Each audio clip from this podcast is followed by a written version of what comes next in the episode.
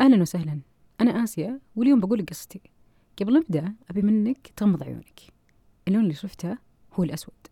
هذا هو كان لون حياتي في صغري. ولون كثير من الأشخاص حول العالم. مو بس لون آسيا بس. عشت كثير من المشاعر اللي يفترض ما يعيشها أي إنسان في الحياة.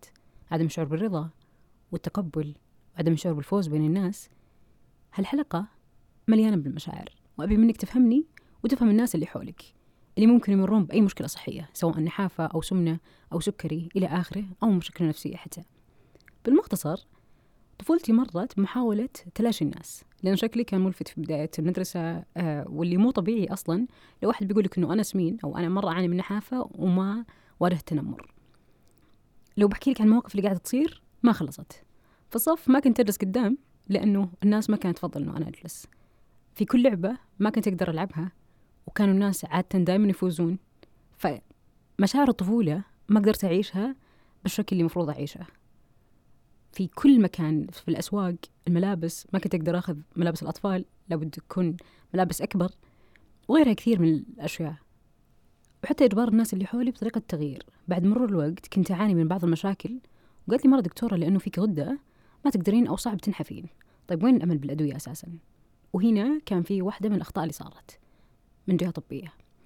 وبعد فترات في منتصف مرحلة المراهقة كنت أعتقد أني أنا مستحيل أنحف بس اللي شفته لما رحت دكتورة كنت رافضة أطلع الميزان بس بعد محاولات طلعت واللي صار شيئين. الدكتورة قالت آسيا أنت مستحيل تنحفين لازم عملية بس الجانب الثاني شفت أنه أنا ناحفة ثلاثة كيلو. يمكن يكون هالشيء صحيح ويمكن لا كان ميزان البيت خربان من قبل. بس من هنا بديت أجرب وأقرر ومعناته أنه في أمل. شعور عدم التقبل وكأنك تحمل عار وتعتقد أنك بتظل طول السنوات كان ملازمني.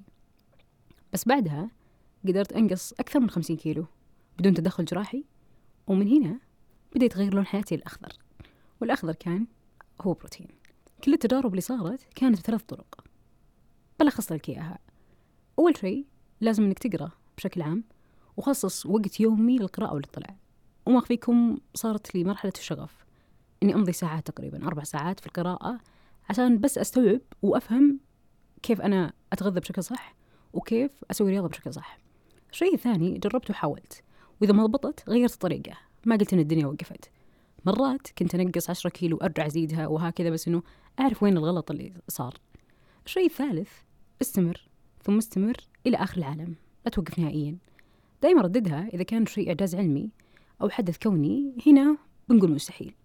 بس إذا الله مكنك وأعطاك كل شيء حولك مختصين ومدربين وأندية وأدوات رياضية سناكات كافيهات غيرها من الأشياء مقارنة بالسنوات الماضية أنت بتقدر تتغير.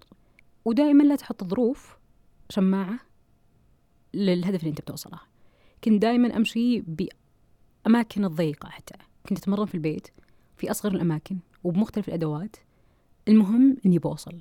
هذه كان الهدف.